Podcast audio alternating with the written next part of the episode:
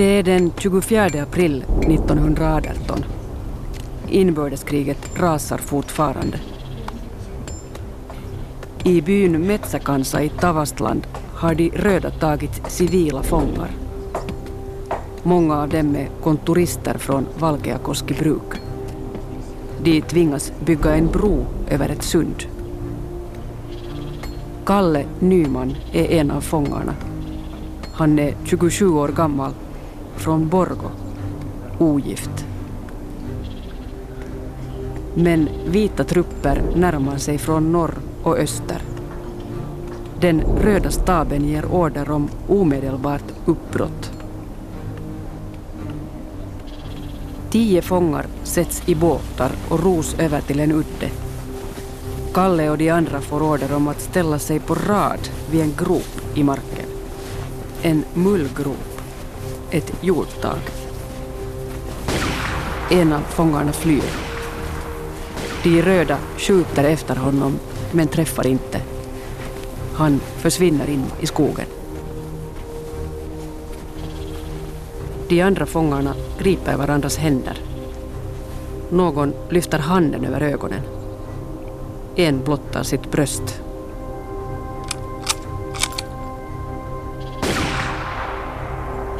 Kulan träffar Kalle i huvudet. Du lyssnar till De hemliga släktingarna. En dokumentär om familjerna Nyman och Lylykorpi och kriget 1918 av Anmi Gardberg och Jyrki Häyrinen. Så kan det gå. Per-Erik Nyman är på väg till släktgravarna i Borgå med sin sondotter Alexandra. Här är nog alltid kallt. Jo, jag varnar. Jag vet, jag är påklädd nog. Är du under rock? Jo. Bra. Det är veckan före jul 2017. Per-Erik går med käpp och Alexandra med barnvagn. Hennes andra dotter föddes för tre veckor sedan. Jag, jag har alltid svårt att hitta de här kusingravarna. Ja, Men till den där dina föräldrar, hittar så man, den, ja. den är lätt. den hittar man lätt. Ja. Per-Erik är 86 år gammal. Han är född 1931, 13 år efter att Kalle dog. Kan det vara någon av de här här?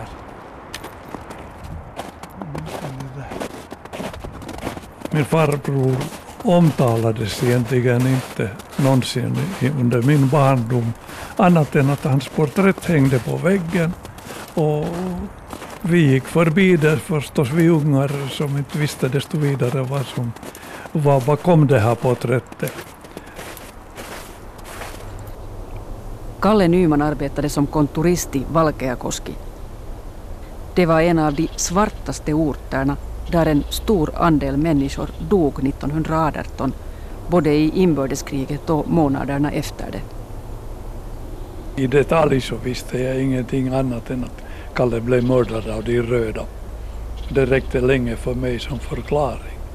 Sen dök det upp hur och vilka var omständigheterna kring det här mordet. Och när jag sen blev äldre och började intressera mig för sånt här så det var på 60-talets slut så, så frågade jag pappa att har vi egentligen inga släktingar? Pappa sa nej, det finns inte. Så sa jag att det måste ju finnas någonting. Nej, inte finns det, sa han. Och så blev pappa äldre och 1969 så låg han på Mjölbollstad. Jag förde papper och penna åt honom och sa att du skriv nu ändå ner de släktingar du kommer ihåg. Det ska vara skojigt att veta. Att jag kommer nästa söndag och tittar. Nå, nästa söndag kom jag och fick ett blankt papper. Det fanns ingenting att berätta. Tänkte att det var nog som 17 det här. Och så tog jag kontakt i Borgå kyrkokontor och bad att få en släktutredning om min farfar och hans släktingar. Och visserligen, där kommer ju fram att farfar hade en bror i Borgå. Det fanns många barn, också på farfars brors sida. En stor del av sitt liv har Per-Erik letat efter spår. Efter sin farbror Kalle och efter pappans kusiner Bruno och Birger som var röda. De satt i fångläger efter kriget. No vi går och tittar. Det här är de här pojkarna. Jori, Birger och Karl Bruno. Se då, alldeles efter varandra. Hemma. Troligen. Ja. Jag vet inte. Men inte var de ju på, På läger. på läger de är inte. Jag vet inte. Okej. Folk dog hela tiden. Ja. De här båda pojkarna i juli. Kalle kommer hem i början på maj. Mm. Tråkiga var ju sen att det här släkten splittrades på det viset att kontakterna upphörde.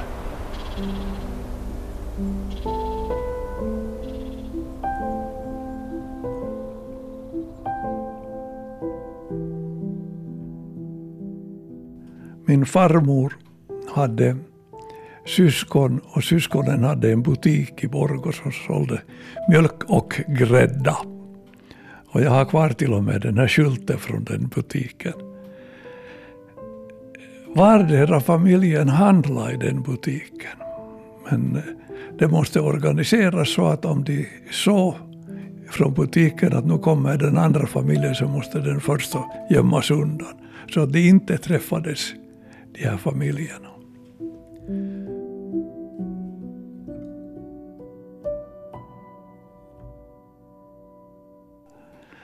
Att de är så svåra de här sakerna. Att pappa inte på 50 år kunde berätta om sin egen familj annat än Kalle. 1918 spökar som ett sådant år där det hände så mycket och, och, och hände med mycket långvarig verkan.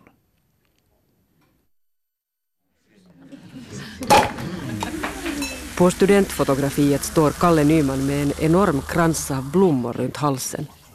Han är en vacker ung man med ståtlig näsa och blonda lockar. Kalle studerade ekonomi och fick tjänst på Valkeakoski bruk. På bilderna sitter han i herrsällskap i Valkeakoski och dricker punsch. De unga männen bär studentmössor. Han är ute på sommarutflykter med många herrar och damer i vita klänningar. Han spelade teater. Han skrev lustiga visor. Kalle hade flera syskon.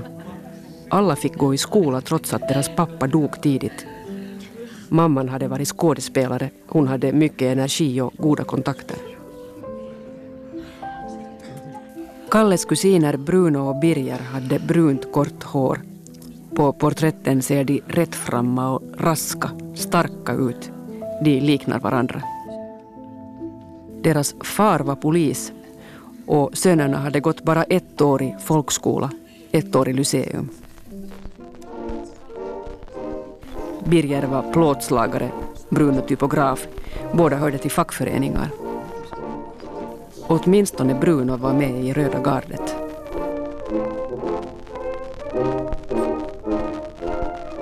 Per-Eriks pappa Rafael var med i strider på den vita sidan.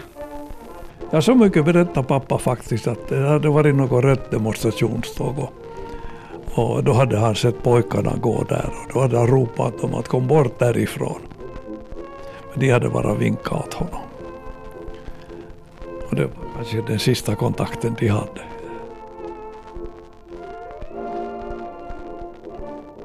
I Borgå Lyceum satt många röda fångna efter kriget 1918.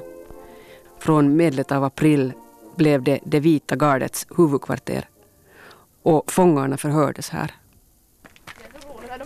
I gamla biblioteket i gymnasiet finns avskrifter av förhörsprotokollen.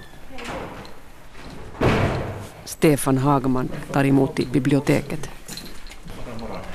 Vi har setts någon gång, har vi, Jag tror det. Men var? Här i biblioteket. Här är... Där är många namn. Nyholm. Ja. Står där. Är det Nyholm? Nyholm, ja. Anders Hjalmar Johansson.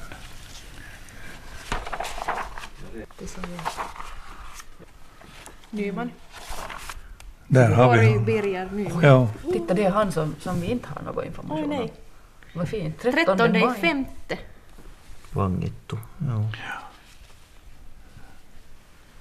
det här var ju skojigt. För oss. Mm. För honom var det inte Va, så. vad står det att det var Seppä? Levyseppä. Levyseppä. Joo. Birger hade arbetat som plåtslagare i Helsingfors och Sordavala och Borgo. När han arresterades den 13 maj 1918 skulle han snart fylla 23 år. Under förhören sade han att han inte hade hört till Röda gardet. Däremot hade han arbetat som postiljon för de röda.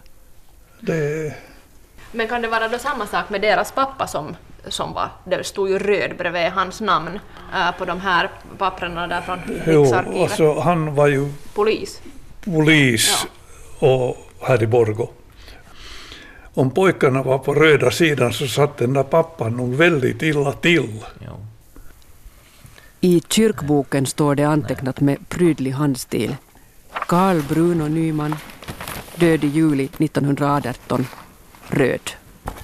Georg Birger Nyman, död i juli 1918, SVB nummer 425.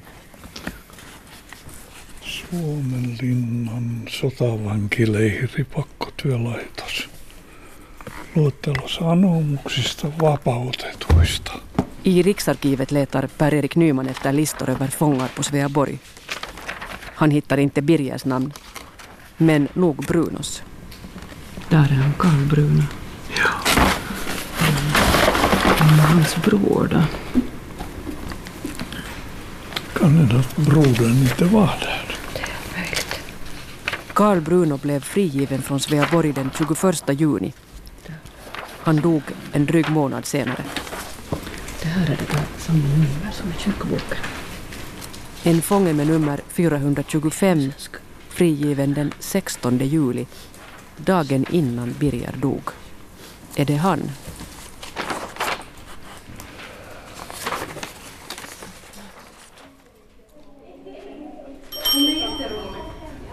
Det är mars 2018. Ett av Per-Eriks barnbarn fyller år. Alexandra är här med sina båda döttrar. Vem är det du tittar på där? Hej Annika! No hejsan, hejsan. Hej. Har du, du har väl inte fallit? Nej, Nej, bra. jag, jag föll för nog för din mamma. Ja, just ja. Jag har fått e-post från Riksarkivet. De har hittat Carl Brunos fångkort. Han har kommit in 15 maj Ja, och så har han flyttats 21 i sjätte. Vapautettu. Står det tuberkulos? Sairaalaosasto tuberkulosa. Sidupo, Ah, ja. han har haft det då redan. Ser du? Mhm. Undra på, det förklarar en hel del igen. Nå jo. Han har varit ganska ordentligt sjuk. Det finns ytterligare två kort. På det ena står det att Bruno hade lunginflammation. På det andra finns det uppgifter om när han blev arresterad. Kuka pidättänyt vita gardet? Ja, finkan 24 i fjärde samma dag som Kalle blev skjuten. Ja, tänk det. Ja, I Borgo. ja, Röda gardets reserv. Pidätetyllä otetut kiväärit gevär. Och så var han ogift. 21 i sjätte han blivit fri. Ja. Kan han ha blivit vapautettu för att han har varit så sjuk? Mm, troligen det. Fångarna på Sveaborg fick allt mindre att äta sommaren 1918. Soppan blev till bara buljong. Gröten blev till välling med grova skal som fick fångarnas tarmar att blöda. Många fångar dog för att magen och tarmen slutade fungera. I juni bröt det ut en influensaepidemi med lunginflammation. Det är så många frågor som uppstår när man frågar. Varje fråga bär med sig tre nya, minst. Och mig hade ju harmat förstås att varför gjorde jag inte allt det här tidigare?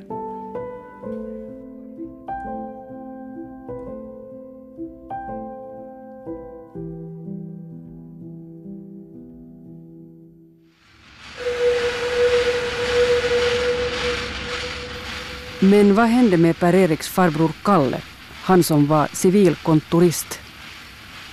När inbördeskriget bröt ut 1918 tog arbetarna makten på Valkeakoski bruk. De röda såg tjänstemännen vid bruket som opålitliga, kanske som fiender. De röda förhörde dem gång på gång, letade vapen hos dem, beslagtog livsmedel, skor, petroleum och symaskiner. De konfiskerade sprit på apoteket. Men ju mera den här röda situationen blev desperat, så desto råare blev också stämningen. De röda förhörde också Kalle Nyman och hans vän Sigurd Godenhjelm. Sen gav de order om att alla arbetsföra män skulle anmäla sig för arbetstjänst. Och den 15 april togs Kalle och Sigurd till fånga med över 20 andra. Fångarna fördes till Metsäkansa sydväst om Valkeakoski. Det hade varit möjligt för honom att rymma. För att det hade rymt ett par av de här som hade tagits till fånga. Bland annat en länsman. Men Kalle bodde tillsammans och var mycket god vän med en som hette Godenhjelm. Och han hade dåligt ben och var dessutom lite väl fet. Så att de tänkte att de håller nu ihop och ser hur det här slutar.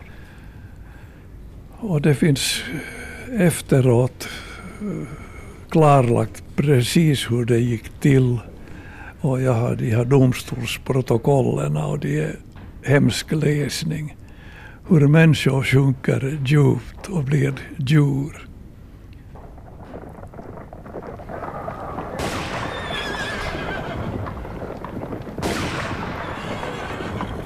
De röda sköt bybor i Metsäkansa. Och de sköt 14 civila fångar i Metsäkansa.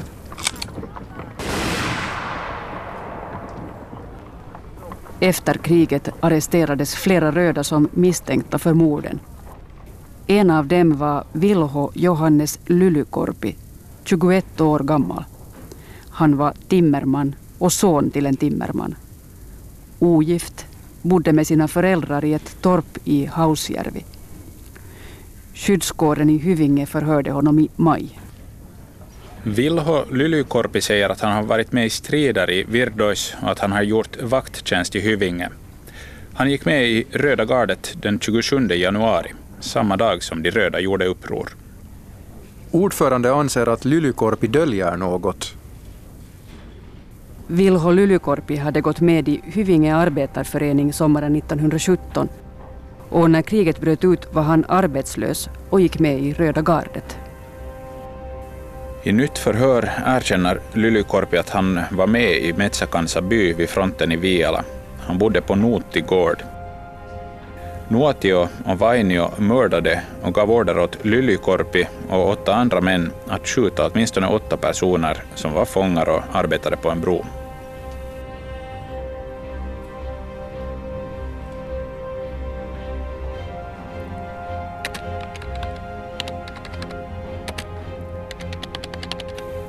När jag letar hittar jag Pekka Lylykorpi i Tammerfors. Han har länge försökt ta reda på vad som egentligen hände hans farfar, timmermannen Vilho Lylykorpi. Per-Erik Nyman vill möta Pekka Lylykorpi. Och Lylykorpi vill möta Nymans. Vi ska träffas i Metsäkansa och försöka hitta den plats där Kalle och de andra blev skjutna.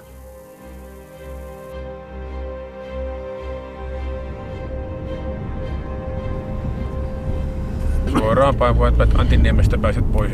Pappersfabriken i Valkeakoski ägs numera av UPM.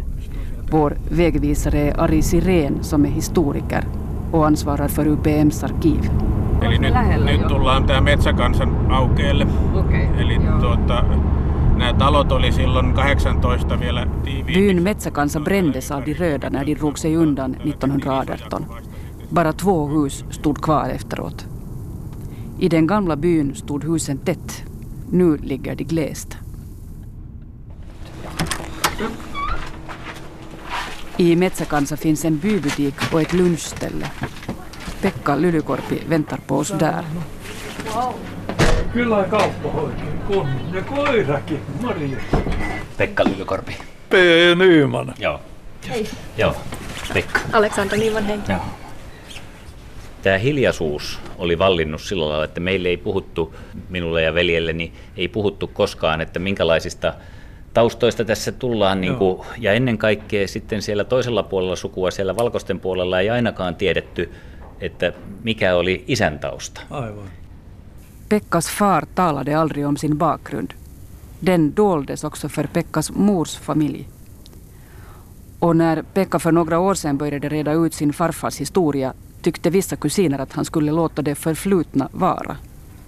Itse kuitenkin ajattelin toisin, että tämmöinen tietty totuus, vaikka se, vaikka se ei ole välttämättä kiva totuus, niin, niin sitä pitää yrittää metsästää. Ja semmoista ristiriitaista tietoa siitäkin, mitä on tapahtunut, niin sitä on löytynyt eri lähteistä. Joo, juuri näin. Siis meidän ajattelutapammehan on samoja linjoja pitkin mm. kulkenut tähän asiaan. Kun sieltä alkoi sitten tulla käydä selville näitä yksityiskohtia, just tämä kuolemantuomio ja sitten myöhemmin tämä ollut mukana siinä telotusryhmässä, niin kyllähän se sitten sai semmoisen reaktion aikaan, että haluaa selvittää totuuden. Pekkas mormors bror stupade på den vita sidan i inbördeskriget. Hans farfar Vilho dömdes till döden hösten 1918 men det fick Pekka veta först 2012. Vaari oli taistellut ilmeisesti aikaisemmin ainakin Virroilla ja sitten tuolla Tampereen pohjoispuolella, mutta oli tullut tänne metsäkansaan sitten, kun sieltä tuli, pelkästään täälläkin oli sitten hyvinkääläisiä monta sataa, olikohan kahden komppanian verran. Inbördeskriget gick mot sitt slut. Tammerfors hade fallit den 6 april och de röda var redan på reträtt mot sydost. Det var i det här läget som Eino Rahja gav order om att mobilisera alla arbetsföra män. Valkeakoskiborna lydde inte order och den 15 april arresterade de röda både tjänstemän vid Valkeakoski bruk och några andra slumpmässigt valda civila.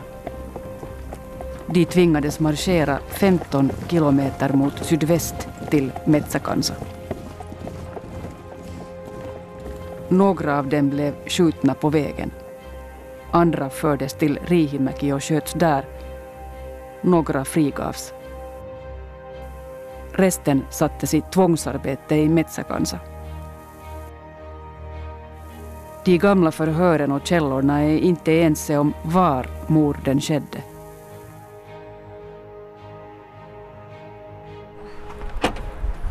Jag slänger min väska hit tillbaka. Vi tränger in oss alla fem i en bil.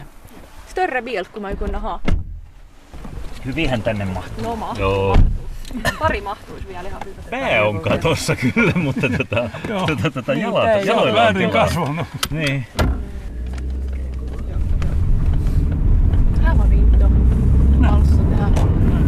Per-Erik och Alexandra var i Valkeakoski och Metsäkansa för några år sedan. Då irrade de runt och letade efter stället där Kalle sköts utan att kunna hitta det. Nästan borde se på en karta hur de har liksom rört sig. Joo. På en gång som vi rör oss här. Me olemme perillä. Här. Me haetaan joku... Okei, eli tässä on se Tässä oja. on nyt se metunoja, jonka rannat olivat rutaset ja, ja Vår vägvisare Ari Sirén har rötter i Metsäkansa. Han har talat med bybor och läst gamla texter. De gamla förhören talar om en strand och en udde, men det kan inte stämma, säger Sirén. Vänta! Lassi, du inte förstod vi ju det här. Hur ska man nu ha förstått att det här är ett sånt ställe? Ehkä, ehkä oli vaan tarkoitus viedä heidät jonnekin ammuttavaksi Joo. ja tämä paikka oli sopivasti, koska teitähän nyt täällä ei niin hirveästi ollut. Ja Vi står vid en snöig väg, vid ett dike. Det har börjat yra, täta snöflingor. Sikten blir med ens nästan noll. Här skulle fångarna ställa upp sig på ena sidan, säger Sirén, vid ett torvtag, en grop i marken. och de röda stod på den andra sidan och sköt. Tässä kaikessa oli semmoinen, semmoinen niin kuin sekavuus ja pakokauhu, niin se, ne vaan ammuttiin äkkiä. Det rådde kaos och panik bland de röda. De vita trupperna kom allt närmare och tyskarna ryckte fram från söder. Fångarna skulle skjutas snabbt. Jag kan ju inte säga att det är ett ställe men det delvis motsvarar den ritning vi har på det där förhörsprotokollet. Alltså delvis. Förhören som Per-Erik talar om gjordes 1918 av Sven Wallén. Han var privatdetektiv. Valkeakoski bruk skickade ut honom för att förhöra de misstänkta i fånglägren i Hyvinge och Tavastehus. Vilho Lylykorpi hade befordrats till kompanichef i slutet av kriget. Det här är Walléns rapport från förhöret i juni 1918. Den 24 april samlades Röda gardets chefer i staben på Noti gård. Alla röda trupper skulle retirera och flyttas med fartyg och pråmar till Valkeakoski. Cheferna gav order åt Vilho Lylykorpi att hämta tio fångar som var i tvångsarbete vid Konho gård och skjuta dem. Lylykorpi uppmanade Lintumäki, Sulo Lahti och Lahtinen att följa med till sundet nära Konho gård där fångarna var i tvångsarbete. När de kom fram var fångarna på väg på matpaus. Lylykorpi framförde sin order till Sarenius som kommenderade tio fångar i rad och skickade de återstående sex fångarna för att äta. Ytterligare fyra rödgardister följde med för att utföra uppdraget. De rodde över fångarna till en udde på andra sidan sundet. Evert Laine som skrev om morden 1919 har talat med pastor Nilo Mustala, den enda av de tio fångarna som lyckades fly. Pastor Mustala, som kände till trakten, anade oråd. Vakterna påstod att fångarna skulle flyttas till Viala, men fångarna togs till Konhonvuolles södra strand och därifrån gick det inte att komma till Viala. Det här är nog vår sista resa, sa Mustala. Och ingenjör Palmgren ropade Tror du det? Tror du faktiskt det? Han var ännu full av hopp. Sarenius gav order till fångarna att ställa upp sig i rad vid en mullgrav. I detsamma avfyrade Sarenius ett skott och flera andra röda sköt mot fångarna. Men det här skedde i oordning och det blev ett ögonblicks villervalla, både bland fångarna och de röda.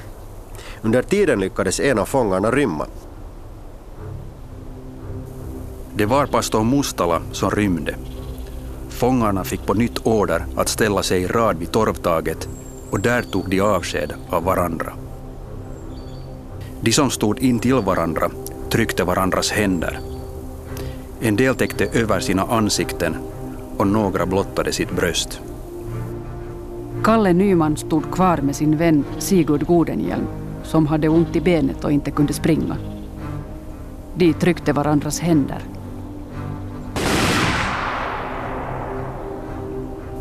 I detsamma sköt de röda en skottsalva. Kulan träffade Kalle i huvudet. Alla fångar dog omedelbart, utom en som fortfarande sparkade. Sarinius sköt ytterligare ett skott. De röda tog hand om ytterkläderna som fångarna haft på sig. Lylykorpi tog en gråspräcklig rock. Sedan täckte en del av männen över liken. När de återvände till Notin talo höll de röda trupperna på att frakta livsmedel till pråmarna. Stabscheferna var berusade och härjade och sköt omkring sig med sina revolvrar. De gav order att sticka alla hus i byn i brand.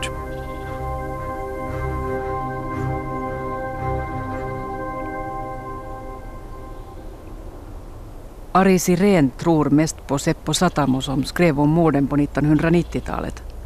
Han hade talat med ortsbor som var med 1918. Det är därför vi nu står vid vägen från Konho gård, vid ett dike. Och det här är nu ett sätt för oss att komma fram till någonting som igen förklarar mera för oss. Aldrig lär vi få helt klart om man kunde veta vad människorna tänkte då. Men det får vi ju inte. tämä paikka ei nyt oikein sittenkään vastannut semmoista, mitä mä kuvittelin, että miten ne tapahtumat olisi olis mennyt. Precis. De här röda skyttarna, de var ju också sådana nästan tonåringar, ungdomar, så inte visste de ju säkert heller vad de sysslade med. Inte, så det bidrog ju säkert också till ett här kaotiskt Jo. arrangemang. Jo. Hur gammal är du? 28. Gammal Lite äldre. Du är Gammal. äldre än Än dem, ja. pojkar där. ja. Tänk det. Pastor Nilo Mustala som lyckades rymma var också en ung man våren 1918. Han var 24 år gammal. Långt senare träffade han Per-Eriks pappa och bror. En gång på 60-talet så var pappa på besök hos min bror och så hittade min bror på att varför tar vi inte kontakt i den här Mustala? Att det skulle vara skojigt att träffa honom. Och, jo, de ringde honom. Det var visst just 24 april. Och jo, han kommer gärna. Och så kom han till min bror i Haga. Och pappa såg väldigt mycket fram emot det här tillfället. Men den här Mustala var nästan, han, han var frånvarande. Så pappa hade väntat sig förstås att Mustala var ju den sista som såg brodern i liv. Att han skulle kunna berätta någonting. Men, men Mustala satt mest tyst och, och nickade ungefär om man frågade av honom någonting. Men sen fick vi reda på senare, jag tror att han ringde upp min bror. Han berättade att den här dagen, 24 april, när de där skjutningarna skedde, brukar han alltid hålla ledigt. Han brukar så att säga be den dagen. Och nu hade han glömt den här dagen att göra det.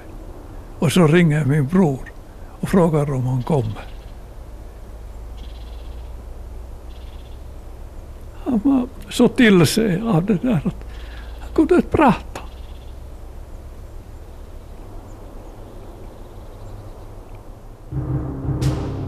En del av de röda som misstänktes för morden blev skjutna utan rättegång efter kriget. Andra togs till fånga och ställdes inför statsförbrytelsedomstolarna. Vilho Lylykorpi hörde till dem. I domstolsakterna finns utlåtanden från skyddskåren på hemorten.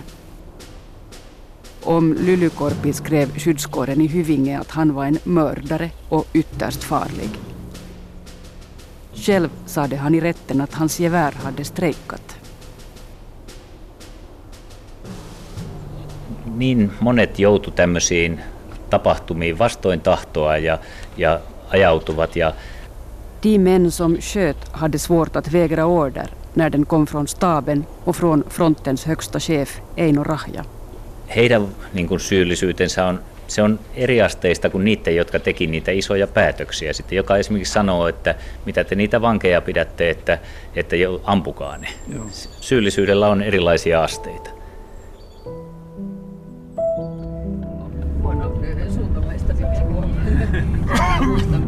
Det var hemskt trevligt att träffa den här Lyly. Ja. Ja, det var bra. Ja, alltså, jag, jag måste säga att jag var av, någon orsak lite nervös att träffa honom. Ja, nu hade jag också funderat vet du, lite på det. Nå, helt säkert, och du är alldeles säkert ännu mer än jag. Ja. Det är underligt att, att tänka att hans farfar kan ha varit den som sköt ihjäl Jo. Kalle. ja, det är... Eller det, det, tanken är bara så konstigt. För Ja. Inte hade ju någonting med hans barnbarn att göra egentligen, men det, det, det är bara underligt. Ja, den möjligheten finns. Man vet inte Han var med. Ja, ja, ja, absolut.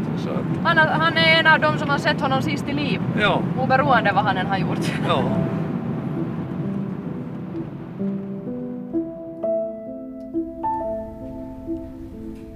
Vilho Lylykorpi satt i fångläger på flera olika orter. Sommaren 1918 var han nära att svälta ihjäl i Dragsvik. Hans syster lyckades smuggla in matpaket till honom. Vilho dömdes till döden för stats och landsförräderi och för åtta mord. Han blev benådad men fick sitta av sitt straff i åtta år.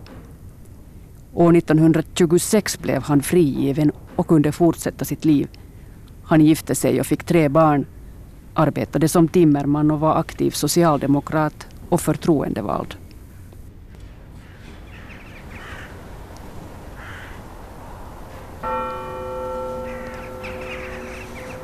Kalle Nyman dog den 24 april 1918 och det dröjde innan hans familj kunde begrava honom.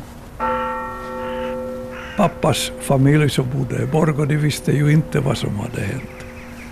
Utan de fick bud någon gång i sent i april. Och då kunde pappa resa sen dit till Valkeakoski och hitta Kalle som eh, hade legat där i en källare med några andra och fick sen hem honom. Rafael reste med Kalles kista. Först med båt och sen med tåg. Han kom hem till Borgå den 10 maj 1918. Så där vackert uttryckt så begrovs han omedelbart efter hemkomsten klockan fem på kvällen. Så att det hade nog gått en tid. Kalles död fick långtgående konsekvenser för hans bror Rafael. Han jobbar ju på glasbruket i Karhula och jag tror att han fick sparken därifrån 1919 för att han hade ställt till ett ordentligt rabalder i något hus där han trodde att någon av Kalles mördare fanns. Och då flyttade han sen möjligast långt bort, det vill säga till Hangö. Pappa berättade aldrig någonting men åt mamma hade han berättat tydligen det här för mamma berättade åt mig. I Hangö mötte Rafael sin blivande hustru, Per-Eriks mamma.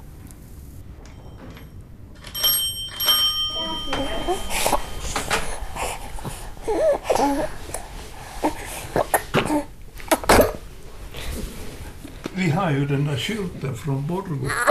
Mjölkbutiken, mjölk och grädda. Mm. Vilken deras sidan det var. ja. Det är så att man borde laga ett stort vitt papper och pussla ihop de här namnen och de uppgifter vi har, alldeles som de gör i deckare, att de har en vägg med bilder av olika människor så drar man streck Mm. Från den ena bilden till den andra. Ja. Det ska vi göra. Ja, det, det skulle vara helt spännande att se en sån här helhet. Ja. Nu, nu ser vi fragment av deras liv. Och vi har många fragment. Som till exempel när vi var dit i Valkeakoski så har vi ett dike där de blev skjutna och vi har en holme där de blev skjutna. Ja. Ja. Att, eh, hur ska man förhålla sig till det som man läser om historia? Det, det finns alltid olika versioner.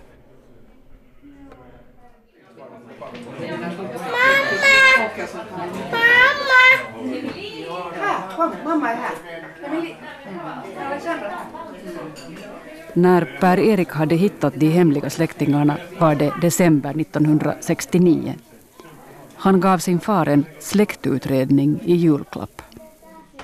Men han hajade nog till. För att det visade sig ju att där fanns två levande kusiner i Borgå. Och jag frågade nu sen förstås att varför. Då sa han att eh, det var nog på det viset att vi hade ingenting med varandra att göra efter 1918. Och så uppmanade jag pappa att ta ringa den där släktingen i Borgå som var en ganska känd Borgåbo. Ragnar Nyman. Och hade en, eh, ett snickeriföretag där som tydligen gick mycket bra. Ragnar Nyman var lillebror till Bruno och Birger. Och så frågade jag om ett par veckor eller månader. Nå, talade med Ragnar? Nej, inte. Han mumlade, ville inte.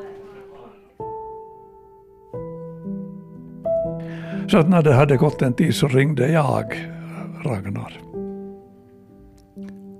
Han var mycket trevlig att prata med. Vi pratade tror jag två timmar.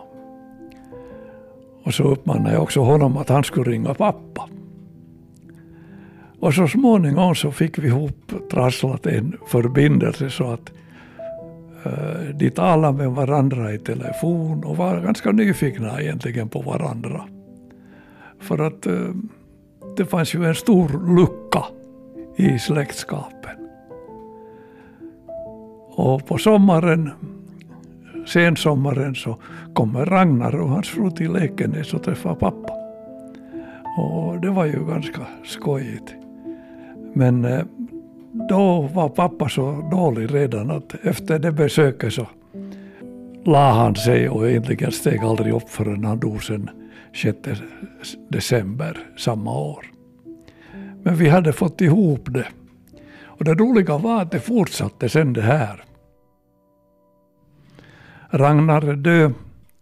Pappa dog först av dem och eh, pappa begravs i Borgo och kaffet efteråt var hos Ragnar.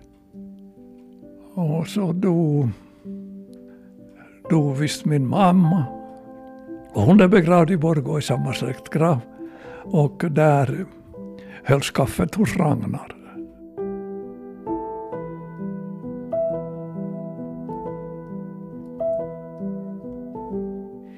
Speciellt nu med tanke på Kalle så tycker jag att vi minns honom och tar reda på vad, som, vad han hamnade ut för. Så det, man är kanske skyldig honom det så här som. Jag gillar din tanke just med att eh, man har en sån här liten känsla av skuld på det viset att uh, man ska inte glömma, det står visst i Eddan eller i någon av de här isländska, att så länge någon minns en människa så lever den. Mm. Och så tycker jag att man på något sätt lite har till och med lärt känna de här människorna fastän de har levt för hundra år sedan. Och det tycker jag att det är viktigt för mig också att kunna sen föra vidare till mina barn, berätta om de här tiderna.